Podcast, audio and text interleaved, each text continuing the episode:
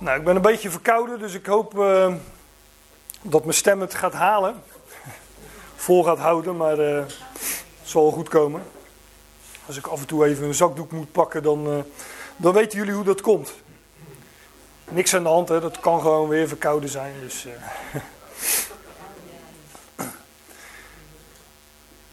De laatste keer dat wij samenkwamen was in, tenminste, dat ik hier, dat ik bijbelstudie gaf. Uh, was in Torbekke en dat is, uh, was volgens mij half december, dus dat is alweer een, uh, een tijdje geleden. En ehm, we hebben die, de afgelopen periode de Romeinenbrief besproken. En ehm, ja, die hadden we afgerond. We hadden van 1 vers 1 tot 16 vers 27 is het geloof ik, 27 versen. We hebben de hele Romeinenbrief besproken en... Nou, er waren een aantal eh, die vroegen aan mij: wat ga je nu uh, bespreken? En ik had zoiets. Uh, nou, ik heb nog geen onderwerp waarvan ik denk. bijvoorbeeld een, een, brief of een Bijbelboek. Dus ik ga gewoon eens wat, wat losse onderwerpen doen. En, ehm, dus we komen op ja, heel wat anders. En ik wil het vanmorgen eens over dit onderwerp hebben: David tot koning gezalfd. Nou, heel wat anders, dat is ook nog maar de vraag natuurlijk. Want het is heel lang geleden, maar hoe begon de Romeinenbrief ook alweer? Paulus stelt zich voor als apostel, afgevaardigde van God. En uh, hij zegt dat waar de brief over gaat, het evangelie van God aangaande zijn zoon. En gelijk het volgende vers zegt hij dan, uh, die is geworden naar het vlees uit het zaad van David. He, want uh, ja, zo vangt die brief dus aan en dat is uh, niet de enige plaats waar hij dat noemt. Dus dat is, uh, die David is toch wel een, uh, een belangrijke figuur. En ik ga met jullie straks naar 1 Samuel 16. De geschiedenis dat David wordt gezalfd. Ik denk dat het een redelijk bekende geschiedenis is. echt zo'n, ja, ik noem het altijd maar een kinderbijbel of zondagschoolverhaal. Um, ja, daar komen we straks wel op. Eh, hier in, in 1 Samuel 16 verschijnt David voor het eerst ten tonele. Het is overigens niet de eerste keer dat zijn naam genoemd wordt van David. Want die wordt al wat eerder uh, genoemd.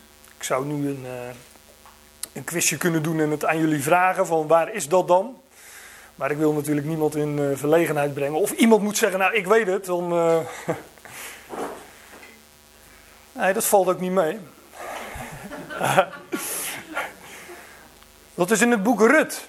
En het boek Rut is uh, direct voorafgaand aan, uh, aan 1 Samuel. En uh, nou, de geschiedenis van Rut, ik, had, noemde zojuist het woord de kinderbijbel of zondagschoolverhaal.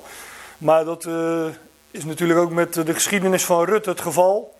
Rut, schoondochter van Naomi, trouwt uiteindelijk na ehm, een uh, hele episode met uh, Boas. En dan staat er in het laatste hoofdstuk, want het zijn maar vier hoofdstukken, uh, het boek Rut, vier hoofdstukjes. Toen nam Boas Rut en zij werd hem tot vrouw en hij ging tot haar in. En Jaweh schonk haar zwangerschap en zij baarde een zoon. Sla ik een paar versen over en dan staat er: En de buurvrouwen gaven hem een naam, zeggende: Aan Naomi is een zoon geboren. En zij noemden hem Obed. Deze is de vader van Isaïe, de vader van David. Ja, je zou vragen, of waar bemoeien die buurvrouwen zich mee? Maar uh, dat terzijde. maar die, uh, nou ja, het is wel, wel makkelijk natuurlijk. Hè? Het is altijd zo'n gedoe om een naam te zoeken. Nou, laten we de buurvrouwen erbij halen. Maar hier wordt dus, en dat is, da daarom haal ik het aan, hier wordt die geslachtslijn um, neergezet. Boas, Obed, Isaïe, David. Dus Isaïe is de vader van David. Die komen we straks ook tegen in de geschiedenis natuurlijk. Maar de vader van Isaïe was Obed. En die was weer een zoon van Boas. Kunnen het een beetje plaatsen ook in, uh, in de tijd. En uh, mocht het gemist hebben, dan uh, weer een paar versen verder. Boas verwekte Obed. Obed verwekte Isaïe. En Isaïe verwekte David.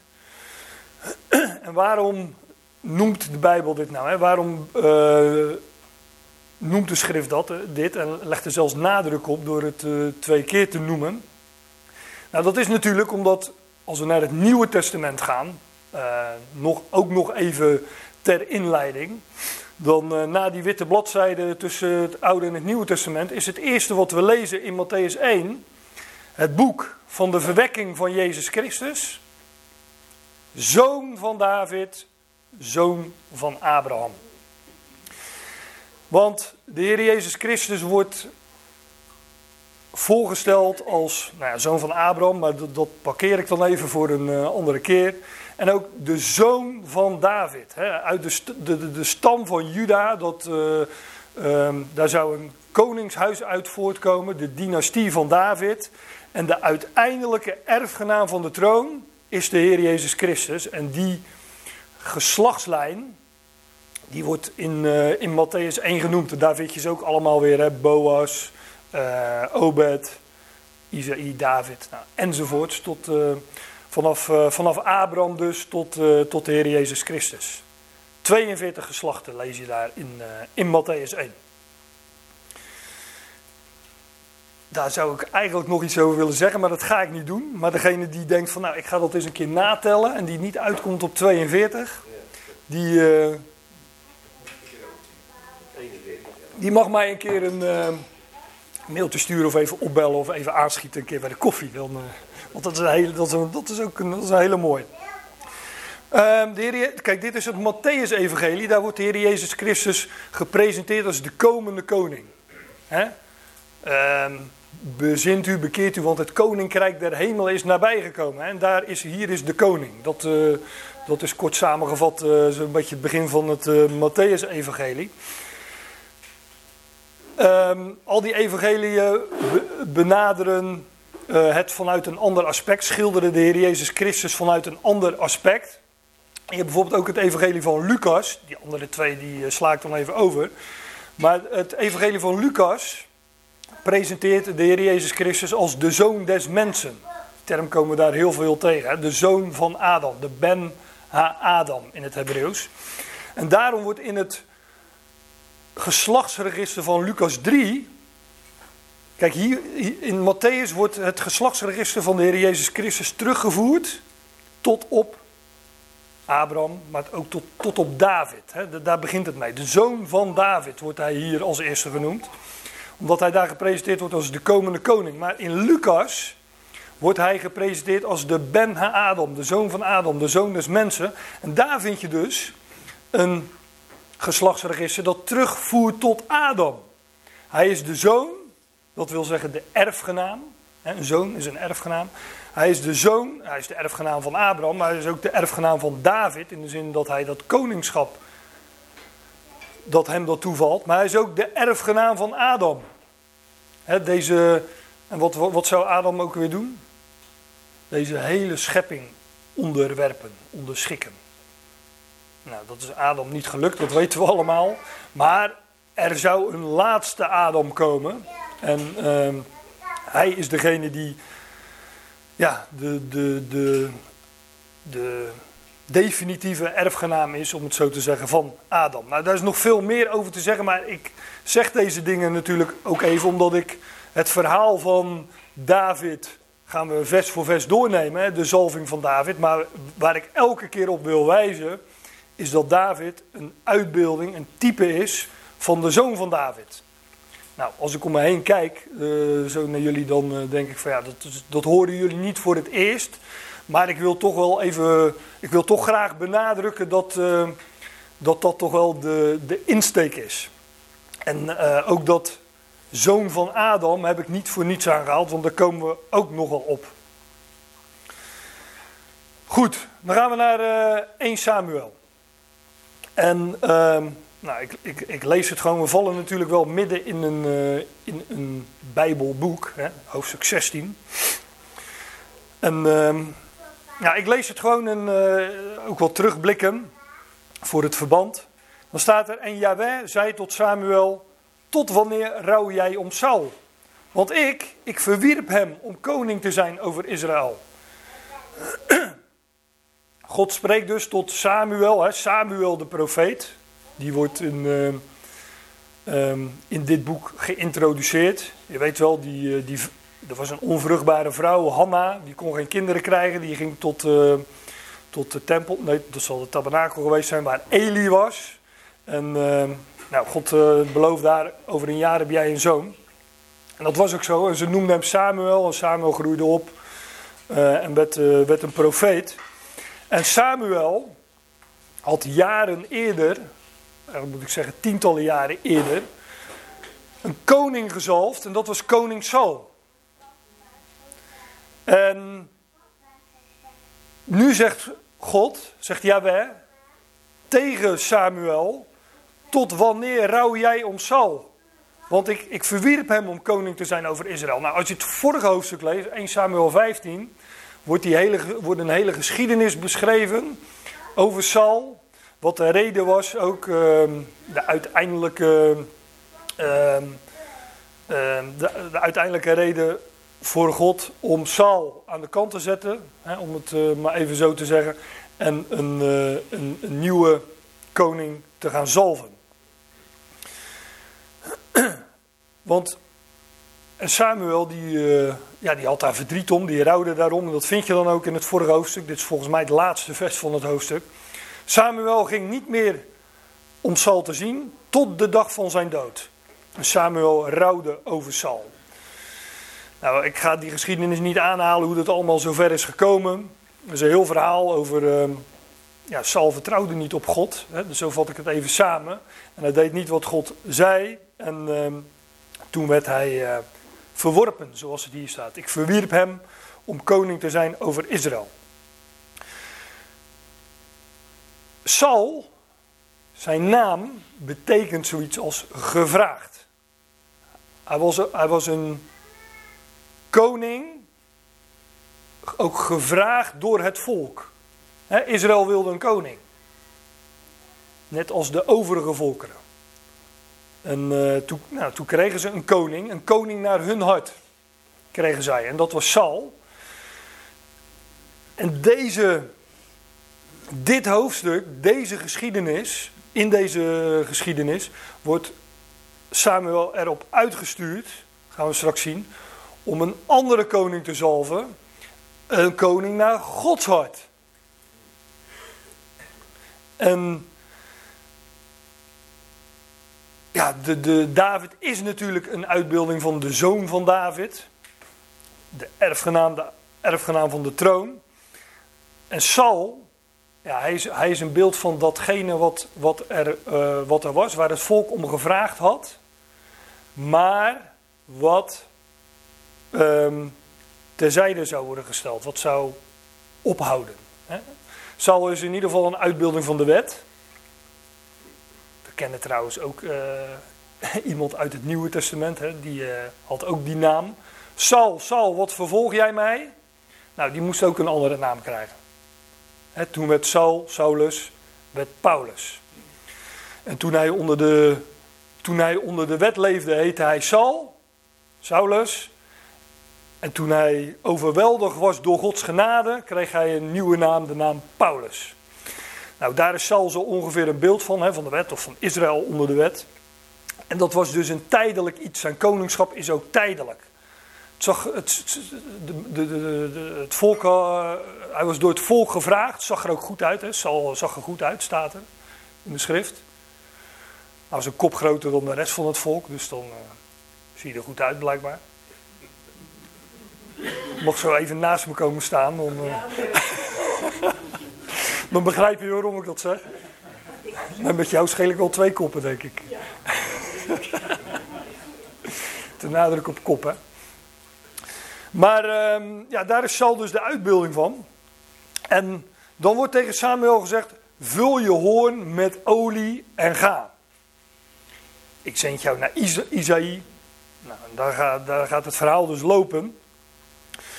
Maar Saul was ook gezalfd door Samuel, dus door dezezelfde profeet. En, uh, en daar lees je een heel opmerkelijk verschil. Dan staat er in 1 Samuel 10, dus zie je uh, hetzelfde boek, maar uh, uh, jaren eerder, dat Samuel, en Samuel nam het kruikje, een kruik met olie, en hij goot het over zijn hoofd, over Sauls hoofd. En hij kuste hem en zei, is het niet dat Yahweh u als overste zalfde over zijn lotbezit of over zijn erfdeel.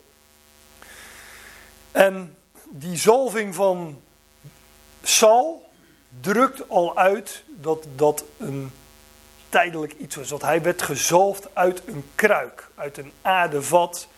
En in de schrift is dat een uitbeelding van, uh, van vergankelijkheid. De mens, ons lichaam wordt ook een aardevat genoemd. We hebben weliswaar een schat in aardevaten, maar dat aardevat, wat wij zijn, of wat wij hebben, hoe je dat wilt zeggen, dat is niet de schat op zich. Dat is wat in ons is, het leven van Christus in ons. En uh, kruikje heeft dus alles te maken met, uh, met vergankelijkheid. Hè. Die, uh, ja, die kruik die gaat, uh, er is een spreekwoord over, over de kruik die te water gaat totdat die barst of zo. Ja, nou dat gebeurt dus met een kruik. Hè. Die, door gebruik valt die uiteindelijk uit elkaar. En wat er van overblijft is scherven. Die brengen geluk natuurlijk. Want we hebben een schat in aardevaten. Dus als dit aardevat verbroken wordt, dan, ja, dan is dat alleen maar goed. Want dat wijst op het nieuwe leven.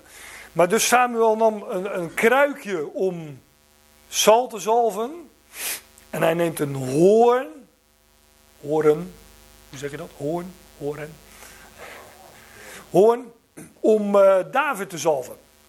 En een hoorn in de Bijbel is een uitbeelding van uh, verschillende dingen, maar in ieder geval van koningschap. Ik heb hier twee versen, ik had er nog meer uh, kunnen aanhalen, maar hier staat gewoon letterlijk dat. Ehm, wordt, wordt uitgelegd, gaat over tien hoornen in Daniel en in openbaring. en dan staat er, ja, die tien hoornen, tien koningen zullen uit dat koninkrijk opstaan. Dus dat wordt uitgelegd.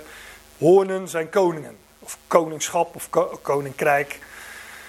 Um, ja, een hoorn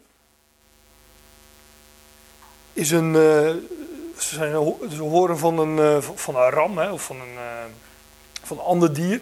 Maar dat is van een, een, een, van een dier dat geslacht is, dat dus dood is. Hè. Je hebt een hoorn, een ramshoorn, hè, de shofar. Maar dat, dat, die hoorn is wat overblijft van een dier dat geslacht is. En ja, dat kennen wij natuurlijk ook uit de, de offerdienst, uit, de, uit de Bijbel. Dat offerdieren werden geslacht en die werden geofferd. En dat is natuurlijk een uitbeelding van de slachting, het kruis, waar de Heer Jezus Christus stierf als het ware paaslam. En het offer is de uitbeelding van zijn opstanding. En eventueel zijn hemelvaart. Dat stijgt op als een lieflijke reuk voor Yahweh, staat er dan.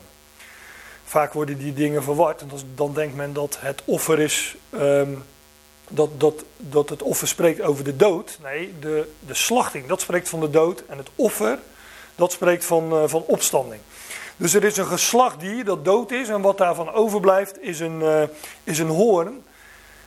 Het is een dood dier. En toch spreekt het weer. Het brengt geluid voort. Het, het, is een uitbeelding van de Heer Jezus Christus die geslacht is en stierf, het ware paaslam. Maar wat doet hij nu? Nou, hij spreekt. Hij spreekt tot ons door zijn woord. Hij is de verborgen Christus in de hemel. En zo opent de Hebreeënbrief bijvoorbeeld.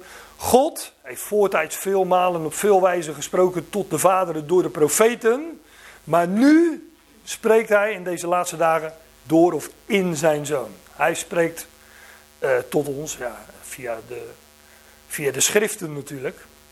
Ik wou zeggen de apostel Paulus, maar hij is degene die uh, de verborgenheden openbaart. Maar heel de schrift spreekt van hem. En hij spreekt tot ons in die schriften. Dus dat dier is geslacht, is dood.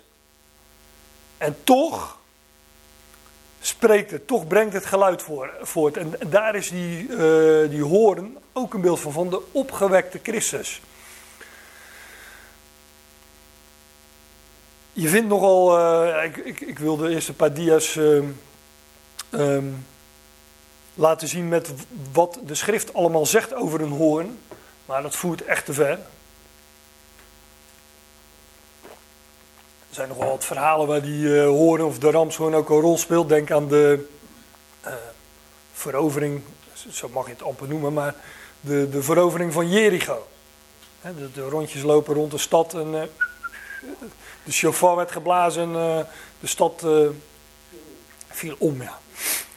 Maar er wordt ook de, de, de horen wordt ook geassocieerd met de redding. Hè? De horen des heils in de oudere vertaling. Hè? De horen van de redding, de horen van mijn redding. In de psalmen onder andere. Wat je ook heel vaak terugvindt in de schrift is Gij hebt mij een horen verhoogd. u hebt mij een horen verhoogd. Nou, wat, eh, wat je op het plaatje natuurlijk ook ziet, is die hoorn, als die geblazen wordt, wordt die ook verhoogd. De, de, eh, en het spreekt, van, het spreekt natuurlijk ook van de verhoogde Christus. En wat ik zojuist al aangaf, van het offer die dat geslacht is en dat dood is, maar het leeft in die hoorn. En die hoorn is het beeld van de opgewekte. Gij hebt mij een hoorn verhoogd. Ja, hele aparte uitdrukking, maar als je ziet wat het betekent. Het spreekt van de Heer Jezus Christus. Die is geslacht, gestorven, maar werd opgewekt en ehm, de naam kreeg van God boven alle namen. En nu is gezet aan zijn rechterhand in de hemel, verhoogd. Ik. Uh, ik had een hele rits teksten kunnen geven. Ik, ik, ik had er gisteren nog met, uh, met, met een aantal uh, broeders uh, hier over de, de, de lofzang van Hanna. Dat is dus de moeder van Samuel. Het is echt een schitterende lofzang. Ik, ik zeg altijd van als je. Ik ging dat woord horen eens opzoeken in de schrift. Dan gaan we de concordantie en dan alle teksten langs gaan. En als je dat doet, kom je altijd. Nou ja, altijd. Je komt vaak op, op, op, op, op schriftplaatsen waar je uh, niet zo vaak in terecht kwam. En ik kwam zo in de loszang van Hanna terecht, in 1 Samuel 2. Moet je gewoon later thuis eens uh, nalezen. Hanna die spreekt daar over, het, lijken wel woorden van, van zoals, de, zoals we zo vaak lezen bij de profeet Jezaja. U bent God, er is geen ander. Hij doodt en hij maakt levend. alles, dat betekent dat alles past binnen Gods plan en dat alles wat hij doet ook een doel heeft. Gebeurt niet zomaar. Hij beschikt het, hij plaatst het. zoals uh, de prediker ook zegt, uh, daar hadden we het ook nog over gisteren. Er is een tijd om te leven, er is een tijd om te sterven. Ook de dood is onderdeel van Gods plan. En ja, al die andere, heel veel andere dingen noemt Hanna ook nog in die lofzang. Maar dan sluit ze af met, hij geeft kracht aan zijn koning en verhoogt de hoorn van zijn Mashiach, gezalfde, of van zijn Christus in het Grieks. Maar ook dit is natuurlijk profetie. Het spreekt van, hè, hij geeft kracht aan zijn, aan zijn koning. Nou, wie is zijn koning? De koning van zijn keuze. Dat is de zoon van David. Hè? God geeft kracht, opstandingskracht namelijk, aan zijn koning. Hij wekte hem op uit de doden. En verhoogt Namelijk, hè, want dat en kan je denk ik wel lezen als een namelijk. Het, is een, ehm, het ene is beeldspraak en het andere is meer letterlijk. En verhoogt de hoorn van zijn gezalfde. Dus die hoorn heeft alles met koningschap te maken, met zalving uh, met, uh, en met verhoging. En dus met de opgewekte Christus. Daar spreekt het allemaal van. Ik, ik, ja, het is een geweldig onderwerp waar je eh, een hele serie Bijbelstudies over zou kunnen geven, over die hoorn. Want het speelt nogal een, een rol in de schrift. Maar ja, voor nu denk ik dat dit wel even genoeg is en gaan we verder.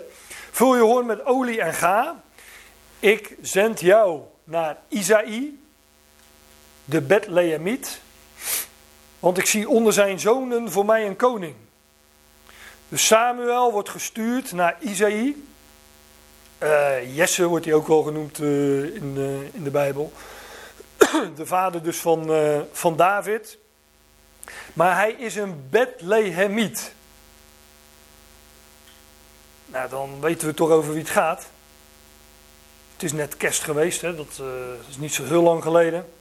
Dus uh, daar in dat stalletje in Bethlehem. ja.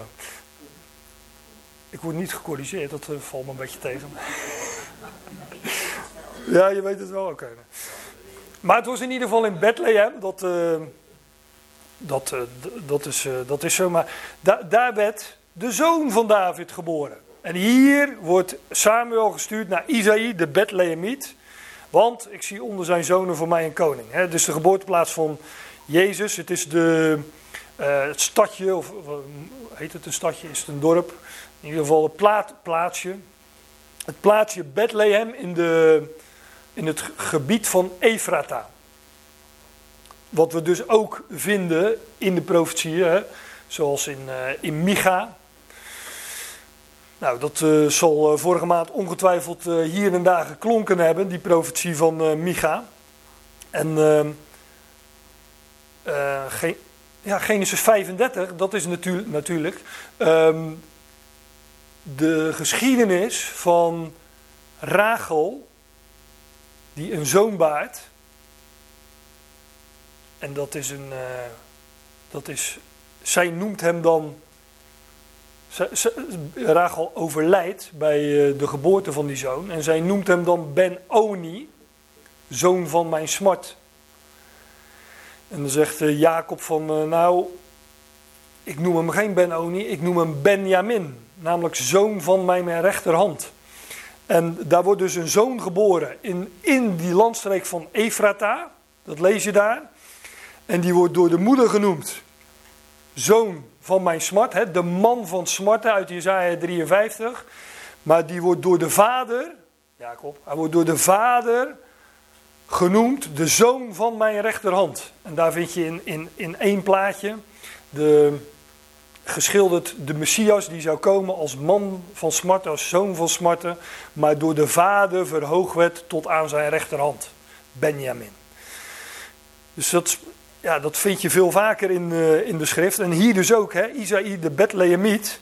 Maar hier in 1 Samuel 16 wordt gesproken over het begin van het definitieve koningshuis dat God zich had uitverkoren.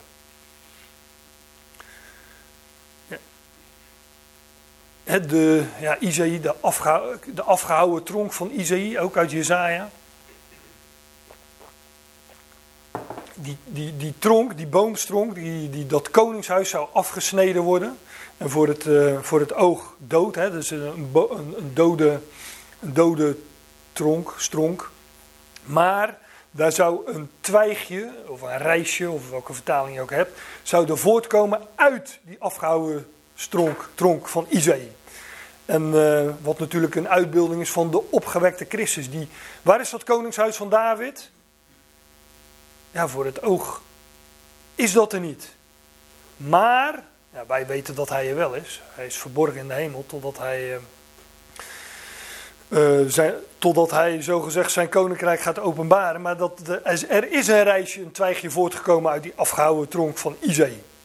Maar hier, dit is dus de start van, dat, uh, van, de, van die dynastie, van het koningshuis dat, dat God zich uitgekozen had. Ik zend jou naar Isaïe, de Bethlehemiet, want ik zie onder zijn zonen voor mij een koning. En Samuel zei, hoe zal ik gaan? Want als Saul het hoort, zal hij mij doden. Ja, want Samuel werd erop uitgestuurd om een andere koning te zalven, maar Saul was gewoon feitelijk de koning van het volk, van, van Israël. Dus uh, Samuel zei, ja, dat lijkt me niet zo verstandig. Want uh, hij was natuurlijk ook uh, ja, bekend met de, reputatie van uh, Saul inmiddels. en dan lees je, en Jawel zei, jij zal een jonge koe, een vaars, staat er geloof ik in wat oudere vertalingen zie gelijk mensen naar hun Bijbel eh, buigen. Hm? Een kalf. Een kalf, oké. Ja, die is nog wat jonger dan een vaas, geloof ik. Want een vaas is. Uh, kan ik nooit zo goed onthouden wat nou precies een vaas is en. Uh, tussen het verschil tussen een kalf en een vaas. Maar. Hm? Een jonge koe. Nou, dat is MBG toch? Nou, dan houden we de MBG aan. Je zal een jonge koe van de kudde in jouw hand nemen. En jij zal zeggen: Ik kom, te, ik kom om te offeren aan Yahweh. Dus Samuel, die, uh, die, ja, die had zoiets van: uh, Oké, okay, ik moet een koning gaan zalven, maar daar zal Sal niet blij, blij mee zijn, dus dat kan ik toch niet doen. Nou, zegt God: ehm, neem een, een jonge koe of een kalf in jouw hand en ehm, zegt dat je komt eh, om te offeren aan Yahweh. Dan gaan we even, even een, uh, ja, hoe zeg je dat? De, de, de, dubbelzinnig. Hè? We gaan de, de, dingen dubbelzinnig bekijken, de dubbele zin van de dingen uh, bezien. Samuel ging om David te zalven. Onder de dekmantel, of moet ik zeggen de bedekking van een offer. Dus wat hier gebeurt, die zalving van David, dat is een verborgen gebeurtenis. Het, het, is, het vindt plaats in het geheim. Nou, hoe zeggen de Engelsen dat? Do I need to say more? moet, ik nu, moet ik daar nu nog meer over zeggen? dit, is toch dat, dit zijn toch allemaal woorden die, uh, die ons, uh, waardoor meteen bij ons lampjes gaan branden. Paulus die ons de verborgenheid bekend maakt. Um, geheimenissen. Het, het, die de bedekking wegneemt. En uh, Samuel gaat hier op een, op een geheime missie, zou je kunnen zeggen. Om, om een, een koning te zalven, maar dat moet allemaal verborgen blijven. Dat blijft allemaal geheim. Dat is toch ook de positie van de Heer Jezus Christus nu.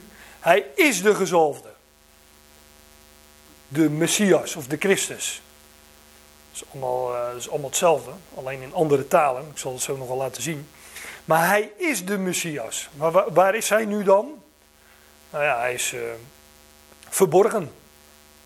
Het is geheim, het is slechts bekend bij een, uh, klein gezelschap.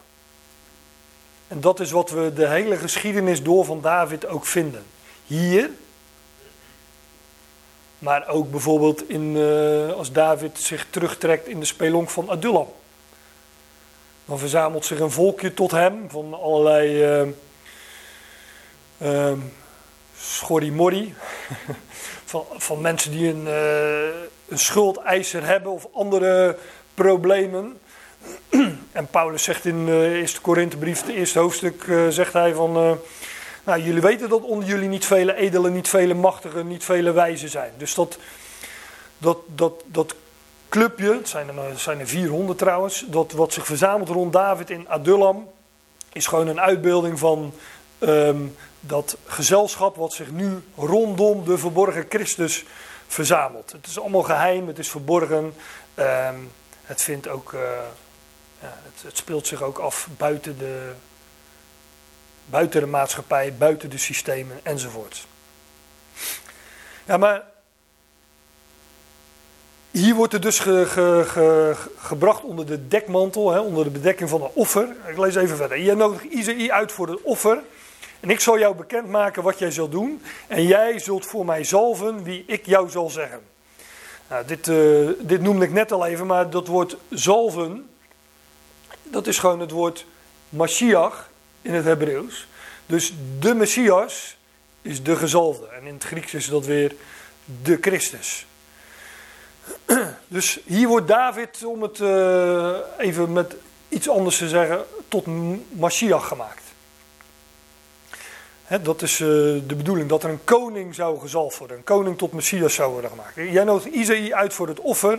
Ik zal jou bekendmaken wat je zult doen en jij zult voor mij zalven wie ik jou zal zeggen. Kijk, dat offer en de zalving vinden gelijktijdig plaats. Het wordt onder het mom van een offer en een offermaaltijd wordt daar een koning gezalfd. Maar zoals ik zojuist al uh, naar voren bracht, is ook dat offer een beeld van. Is, is dat offer een beeld van opstanding? En ook zalving is een beeld van opstanding. Als de, uh, als, als de Heer Jezus in, uh, wat is het, Matthäus 3 geloof ik, als de Heer Jezus daar wordt gedoopt, dan, wordt hij, uh, dan, dan, dan klinkt er een stem uit de hemel en dan daalt er een duif neer vanuit de hemel.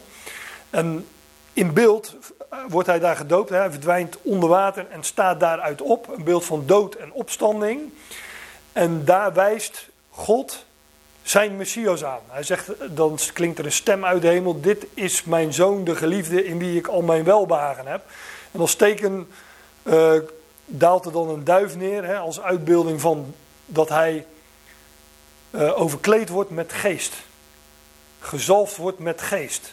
En daar wordt een, uh, een, een, een, plaatje geschilderd van wie hij zou worden in zijn opstanding. Dat, bet dat betekent het woord gezalfde. Daar is natuurlijk veel meer over te zeggen. Maar Samuel deed wat uh, Jaweh sprak. En hij kwam in Bethlehem. En de, en de oudsten van de stad beefden om hem te ontmoeten. Er staat zoiets als uh, beefden hem tegemoet.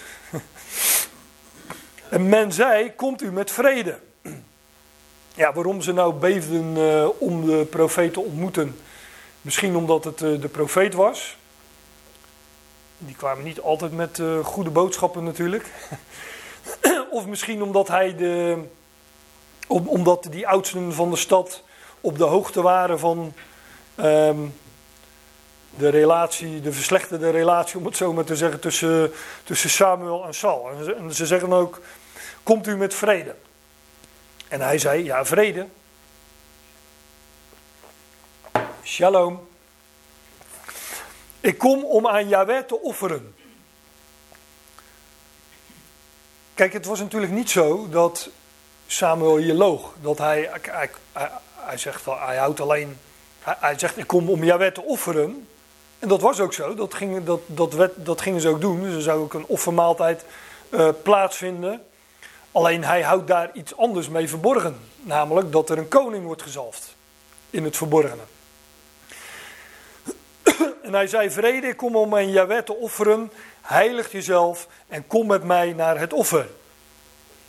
En hij heiligde Isaïe en zijn zonen en hij nodigde hen uit voor het offer. Ja, dit is dus een, uh, um, een vredeoffer waarbij een, uh, een maaltijd plaatsvond. Um, en een van de, volgens mij het enige of een van de weinige offers waarbij het uh, geofferde vlees ook daadwerkelijk werd, werd gegeten.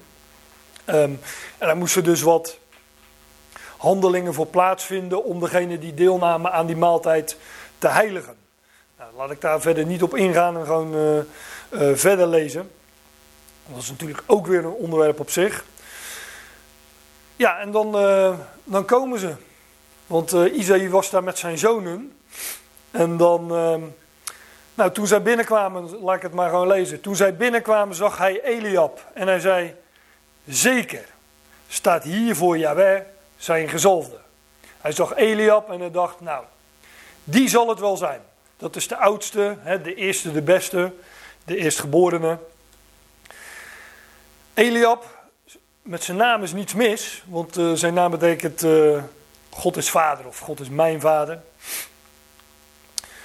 Maar God zegt dan, hè, Yahweh zei tot Samuel, zie niet op zijn verschijning, en naar de verhevenheid van zijn gestalte, zoals bij Saul overigens, hè, wat ik net al aanhaalde, die was een, stak een kop boven het volk uit. En, uh, dus die was mooi van gestalte. Maar zie niet op zijn gestalte, wordt er hier gezegd. Jawel zei tot Samuel, zie niet op zijn verschijning en naar de verhevenheid van zijn gestalte, want ik heb hem verworpen. Als je dit nu met Calvinistische ogen leest, dan denk je: oh, oh, oh, oh, oh. Verdoemd. Nee, daar gaat het natuurlijk niet over. Hij wordt, hij is verworpen, hij, hij, wordt niet gekozen als koning. Dus in die zin is hij verworpen. Net als God Saul heeft verworpen. Komt het dan nooit meer goed met Saul? Tuurlijk wel, maar als koning werd hij uh, verworpen. En uh, nou, deze Eliab wordt niet gekozen als koning, maar uh, ik heb hem verworpen, zegt uh. En dan die bekende woorden, want die, uh, die kennen we wel. Het is niet wat de mens ziet, want de mens ziet aan wat voor ogen is, maar Jawel ziet het hart aan. Het is, het is, natuurlijk zo menselijk om af te gaan op, uh, op de buitenkant. En die kan, die kan zeer bedriegelijk zijn.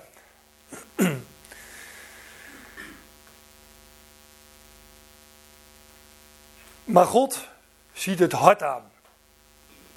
En uh, ja, David wordt dan ook genoemd de man naar Gods hart. Het is niet wat de mens ziet, want de mens ziet aan wat voor ogen is, maar Jawel ziet het hart aan. En Isaïe riep, riep tot Abinadab en hij deed hem passeren voor het aangezicht van Samuel. En hij zei, ook deze koos Jawel niet. Abinadab, voor de statistieken betekent mijn vader is mild of vriendelijk of goed. En op volgorde van geboorte komen de zonen van Isaïe langs.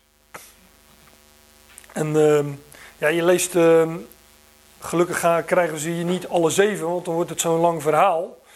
Maar uh, je vindt dus wel uh, geslachtsregisters waar wel al die zonen van, van Isaïe genoemd worden. Kom er zo nog wel even op terug, denk ik, in 1 Kronieken 2 onder andere. Maar in, uh, trouwens in 1 Samuel, dat moet, hier staat 7, maar dat moet 17 zijn. Dat is dus het volgende hoofdstuk, dat is de geschiedenis van David en Goliath.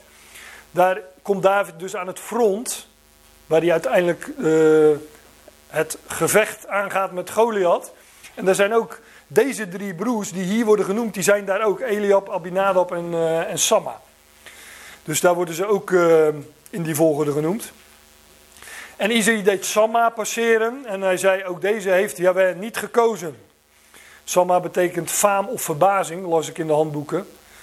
Maar wat faam met verbazing heeft te maken, weet ik ook niet. Dus ik denk dat, uh, dat is altijd... Uh, kijk, sommige namen staan redelijk vast wat ze betekenen. Maar sommige geven ze wel heel veel betekenissen aan. En die liggen soms zo uit elkaar dat ik denk van ja...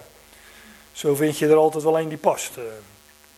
Maar dat te zijn. Nou, de, de, de Samma, Isaïe deed Samma passeren. En ook die werd niet gekozen. En gelukkig wordt het dan uh, samengevat. en krijgen we er niet uh, nog vier. En kunnen we wat sneller door, de, door het hoofdstuk heen. Isaïe deed zeven van zijn zonen passeren. Voor het aangezicht van Samuel. En Samuel zei tot Isaïe: Deze, meervoud, heeft Jahweh niet gekozen. Alle zeven niet dus oké.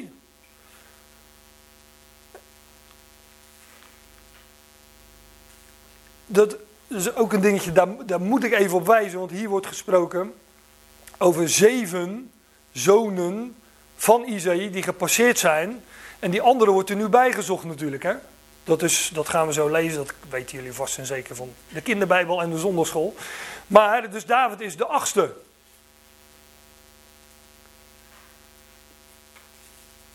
Dat is een mooi getal, toch? Ja. Maar in 1 Kronieken 2, waar ik net ook al aan refereerde, waar dus al die zonen worden genoemd, dat is een geslachtsregister. Daar staat de Ozem, de zesde, David de zevende.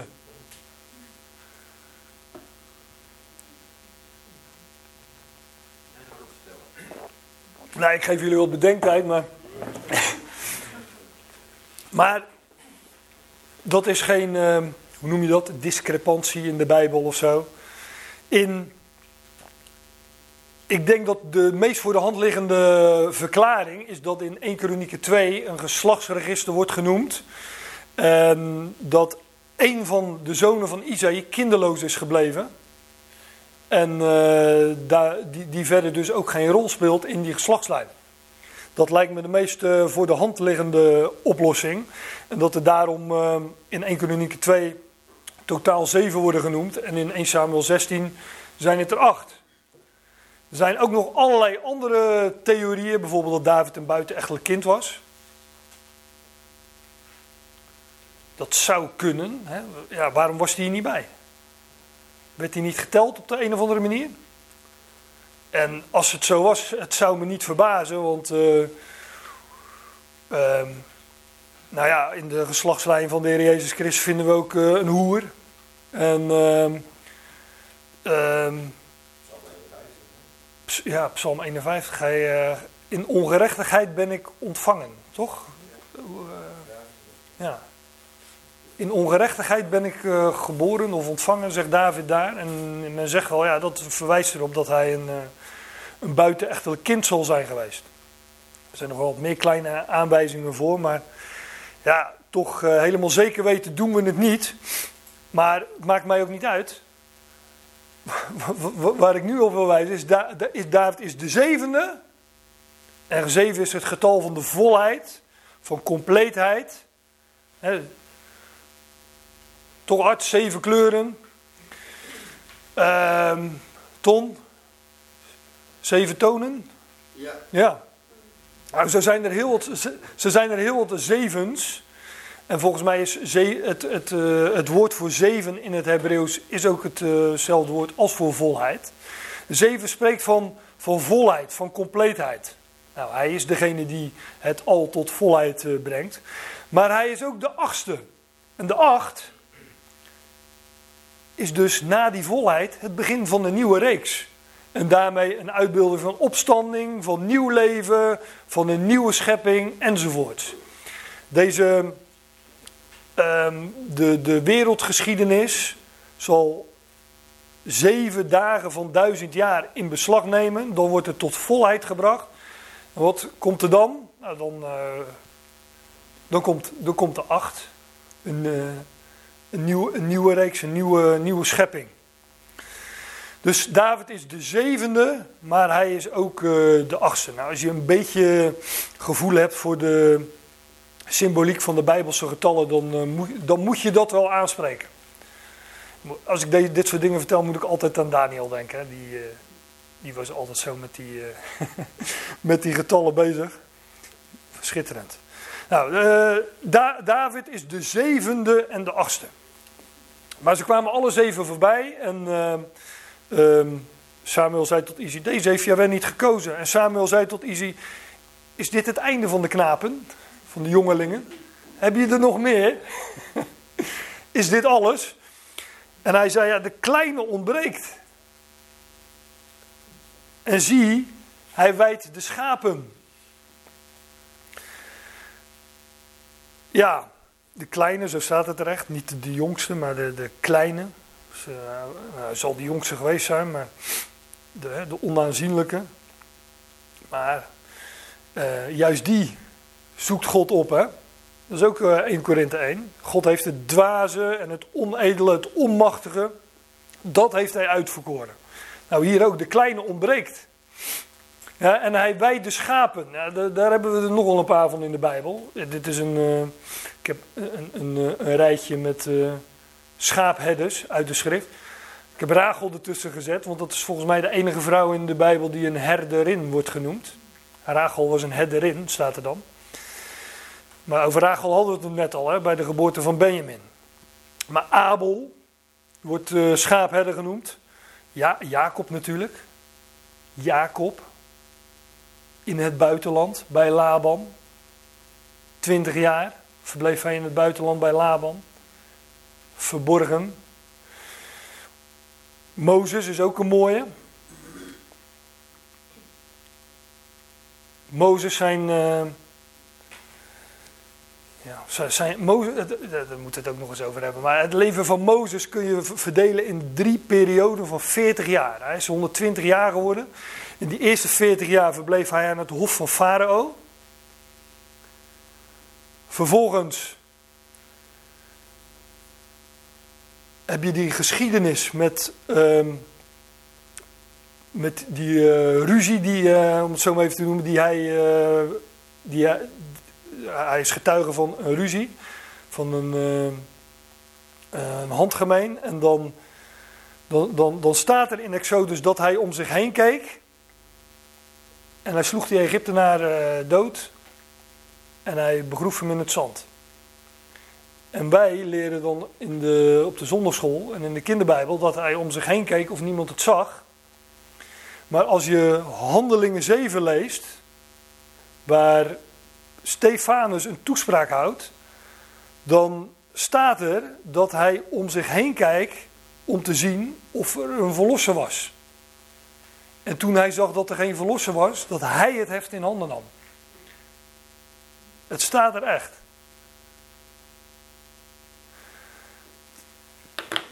Nou, het voert wat te ver om dat nu op te zoeken, maar zoek het maar na. En het is natuurlijk een uitbeelding van de Heer Jezus Christus die kwam. En bij wijze van spreken zag of er een verlosser was. Nou, die zag hij niet, dus Hij was degene die, eh, die het ging doen. Maar wat, wat gebeurt er met Mozes? Hij wordt niet erkend door zijn broeders, door de Israëlieten. En hij verdwijnt naar het buitenland. En wat doet hij daar? Hij wijdt daar de kudde van Jethro in Midian. Dus ook dat is een uitbeelding van de Heer Jezus Christus. Die werd verworpen door zijn, niet erkend door zijn eigen volk. Wat gebeurt er? Nou, hij, hij, hij, hij verdween naar het buitenland. Zoals Paulus in de Colossensebrief zegt: Christus onder jullie natieën. En uiteindelijk, na die 40 jaar, dat hij schaapherder was in Midian, Mozes, ehm, keert hij terug. zijn, de wederkomst van Mozes. En wat doet hij? Hij verlost het volk uit uh, Egypte. Als natuurlijk ook een plaatje van de Messias die alsnog zal komen, zal wederkomen en zijn volk zal verlossen. Maar daar, uh, ja, dat is een. Uh, daar moet ik dan allemaal aan denken als ik dit soort plaatjes zo voor me ziet. De kleine ontbreekt en zie hij wijt de schapen. Ook David was daar ergens buiten het blikveld van, van degene die hier in de geschiedenis hoofdrol spelen. Ik moet verder. En Samuel zei tot Izzy: Zend en neem hem. Stuur iemand naar hem toe en haal hem op, want wij zullen niet aanzitten aan die offermaaltijd namelijk, tot hij hier komt. En hij zond en hij deed hem komen en hij was roodachtig, rossig, zeggen andere vertalingen, met heel mooie ogen. Oké, hij was goed van uiterlijk. Hij zag er goed uit, ja.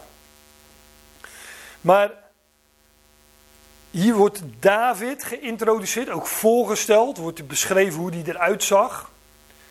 En ehm, dan wordt er gezegd, hij was roodachtig, rossig.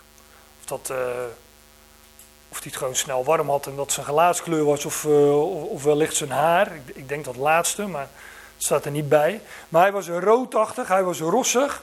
En dit woord, rossig, roodachtig, is het woord atmuni in het Hebreeuws. En dat is van dezelfde stam als het woord Adam. Adam, mens. Uh, Adama is overigens de aarde. Dam is bloed. En ad, ad, dat is roodachtig. Die, die, die woorden hebben dus ook alles met elkaar te maken. Maar hier wordt David geïntroduceerd. Die, uh, nou, ik hoop dat ik dat toch duidelijk heb kunnen maken. Een uitbeelding is van de zoon van David. Maar zoals ik dat geslachtsregister uit het, helemaal in mijn, zeg maar, mijn inleidende woorden uh, ook aanhaalde uit Lucas 3. Hij is niet alleen de zoon van David, maar hij is ook de erfgenaam, de zoon van Adam. En hier vinden we dus dat hij Admoni is, namelijk roodachtig. En uh, als je het mij vraagt, is dat een verwijzing naar, ook naar Adam, hè, de zoon van Adam, de laatste Adam. Ja, Esau trouwens, Edom, hè, die wordt Edom genoemd, dat heeft ook alles weer met dat woord te maken. En, ja, dus hier wordt de zoon van David wordt hier geschilderd als type van de zoon van David, maar hij heeft ook kenmerken van Adam, om het zo te zeggen. De zoon van Adam, de zoon van David, En Jabez zei, sta op, zalf hem. Want deze is het. Langzaam lezen, elk woord tot je nemen, elk woord heeft betekenis. Sta op, zalf hem. Want deze is het. Dus we, we zijn hier bij een offer een offermaaltijd, wat een uitbeelding is van opstanding, dat offer. Er vindt plaats een zalving, wat een uitbeelding is van ja, opstanding, hè, gezalfd met olie. Een beeld van koningschap, van opstanding. En er wordt gezegd: sta op. Ja, dus alles wijst op de opgewekte, op, uh, op opstanding. Want deze is het. Hè? Deze is mijn zoon. De geliefde, in wie ik al mijn welwaar heb. eh, het Nieuwe Testament, Matthäus 3, vers 17, is geschreven in het Grieks. Als hier in het Hebreeuws, als dit in het Hebreeuws zou zijn geschreven, zou hier staan: Deze is mijn zoon, hè, de Ben, de Dahoed, David. Want David betekent geliefde. Dit, dit is mijn zoon, de David. Dat is eigenlijk wat er staat als je het uh, een beetje verhaspelt naar het Hebreeuws. David is uh, een type van de zoon van David, hè, de geliefde. Hè. Sta op, zalf hem, deze is het. Nou, zo wees God ook zijn zoon aan in Matthäus 3. Dit is mijn zoon, de geliefde in wie ik al mijn welwagen heb. Nou, daar is David natuurlijk uh, de uitbeelding van. En Samuel nam de hoorn van de olie, daar is hij weer. En hij zalfde hem te midden van zijn broers. Ook olie, ja, daar hebben we het nog niet eens over gehad, maar dat veronderstel ik dan ook uh, toch maar enigszins als, uh, als bekend. Maar ook olie is een beeld van geest en leven. De olie is uh, afkomstig van de olijfboom. En een olijfboom is een boom die, ja, dat, dat, dat is heel bijzonder, die regenereert zichzelf. Die boom die sterft eigenlijk niet van ouderdom. Die, die, uh, die herstelt zich, die regenereert, regeneratie, wedergeboorte, die regenereert zichzelf, die boom. En uh, uh, ja, die, die, kijk, zo'n boom kan wel doodgaan, want als je hem ommakt, is die, uh, dan is het een afgehouden tronk, zeg maar. maar van zichzelf, of ja, zo'n boom zal ongetwijfeld ook vergiftigd kunnen worden, maar van zichzelf gaat hij niet dood. Hij, die boom regenereert zich. En wat een olijfboom voortbrengt, is die olij, olijven natuurlijk. Maar de bedoeling dat, van, van die olijven is dat er olijfolie van gemaakt wordt. En ja, zelfs nu nog uh, heeft men wel uh, erkennis van dat olijfolie in ieder geval gezond is. En geneeskrachtige werking heeft. Dus dat vitaliteit, dat zit allemaal in die, in die olie. En dat is dus ook een beeld van van geest en leven. En daarom werd, werd David gezalfd met olie vanuit een hoorn. dus hij zalfde hem te midden van zijn broers. Ja, en kijk, ik hoef het eigenlijk niet eens uit te leggen, want er staat er gewoon. Een geest van Yahweh. Hij, de, de, de, de, het zalven van David is een uitbeelding van het ontvangen van geest. En het ontvangen van geest, wie de geest krijgt, ontvangt leven. En wie de geest geeft, die, uh, ja, die sterft. Dus geest ontvangen is een uitbeelding van het krijgen, het ontvangen van leven. Natuurlijk van nieuw leven. Niet wat wij hier leven noemen, want dat is, uh, dat is allemaal vergankelijk en uiteindelijk uh, is het slechts sterven. Nee, het gaat over dat nieuwe leven, het opstandingsleven. Waar het offer van spreekt, waar de zalving van spreekt. Sta op, zalf hem. Nou ja, en dan lees je dus ook, zodra hij, die, uh, zodra hij gezalfd is en de gezalfde is, wordt het geest van Yahweh voorspoedig over David. Vanaf die dag en verder. En uh, ja, dat, dat zou je trouwens eens op moeten zoeken. In, uh, bijvoorbeeld in de Statenvertaling staat er dan volgens mij zoiets als... De geest des Heren werd vaardig over hem. Dat moet je dan eens opzoeken in een, uh, in een, in een concordantie. Um, waar dat nog meer gezegd wordt, van, van wie dat nog meer gezegd wordt. En dan kom je natuurlijk nogal wat figuren tegen. Zoals Simpson bijvoorbeeld. De geest werd vaardig over hem en hij verscheurde die leeuw. Nou, daar hebben we het uh, misschien ook nog wel eens over. ook dat is een schitterende geschiedenis. En ook dat is een plaatje van uh, de zoon van David. En geest van Jaweh was voorspoedig over David vanaf die dag en verder. En Samuel stond, Sa, Samuel stond op. Ja, we hebben het over opstanding, dus Samuel stond op. Hij stond er al. Sta op, salve. Nou, Samuel stond op. En hij ging in de richting van Rama.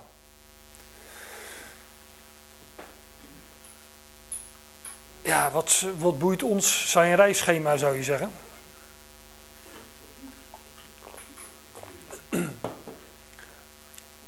Maar hier, hier wordt een plaatje geschilderd van de zoon van David, die ten tonele kwam in Bethlehem, de velden van Efrata Bethlehem. En Samuel, die natuurlijk ook een type is van Christus, die zalft die koning, hij zalft David tot koning. en wat gebeurt er dan? Wordt hoe, noem je dat? Een inauguratie, geloof ik, hè, van een uh, koning. Wordt hij uh, geïn, uh, geïnaugureerd? Of, hoe zeg je dat? Wordt hij uh, gepresenteerd als koning aan het volk? Nee. er gebeurt gewoon verder niks. Hij zal teruggegaan zijn naar zijn schapen. En ehm, tussendoor verslaat hij de reus nog, enzovoort. Dat lezen we allemaal in de volgende hoofdstukken. Maar ehm, hij blijft, David blijft verborgen als koning. Dus, en dat is natuurlijk een plaatje van de zoon van David. Is hij, is hij koning nu? Ja, hij heeft ook een koninkrijk. Voor degenen die, eh, die daar niet aan willen, want eh, die zijn er altijd. In de Colossensebrief zegt Paulus in een gevangenisbrief ik zeg het expres op die manier, dat wij overgezet zijn in het koninkrijk van de zoon van zijn liefde. Nou, heeft hij dus een koninkrijk? Ja, hij heeft een koninkrijk, maar het is een verborgen koninkrijk. Het is nog niet geopenbaard. En van, die, van dat verborgen koningschap is David een type. Gezalfd, de gezalfde, opgestaan inderdaad. Het offer is uh, volbracht, maar hij is nog niet onthuld als de koning van het volk. En Samuel stond op en hij ging in de richting van Rama. Hij ging naar Rama. En Rama betekent hoge plaats. Waar ging Christus naartoe na zijn opstanding? Nou, naar een hoge plaats. God zette hem aan zijn rechterhand in de hemel. Daar is hij nu. Van Bethlehem naar Rama. Ja, dat is, uh, als je het mij vraagt, gewoon een eh, uitbeelding van zijn de eerste komst van, uh, van Christus. En, tot zijn wederkomst. En hij, hij is in zijn eerste komst uh, gestorven, gekruisigd, gestorven, begraven, opgewekt ten derde dagen. En ehm, ja, vervolgens eh, ten hemel gevaren. En daar is op die, in, op die hoge plaats is hij nu. Wachtend totdat. En dat vinden we natuurlijk ook in de geschiedenis van David, dat hij uiteindelijk wel uh, regeert als koning over het volk. Nou, David is een type van de gezalfde, maar hij heeft nog niet zijn koninkrijk. Ik uh, wil het daarbij laten voor, uh, voor nu.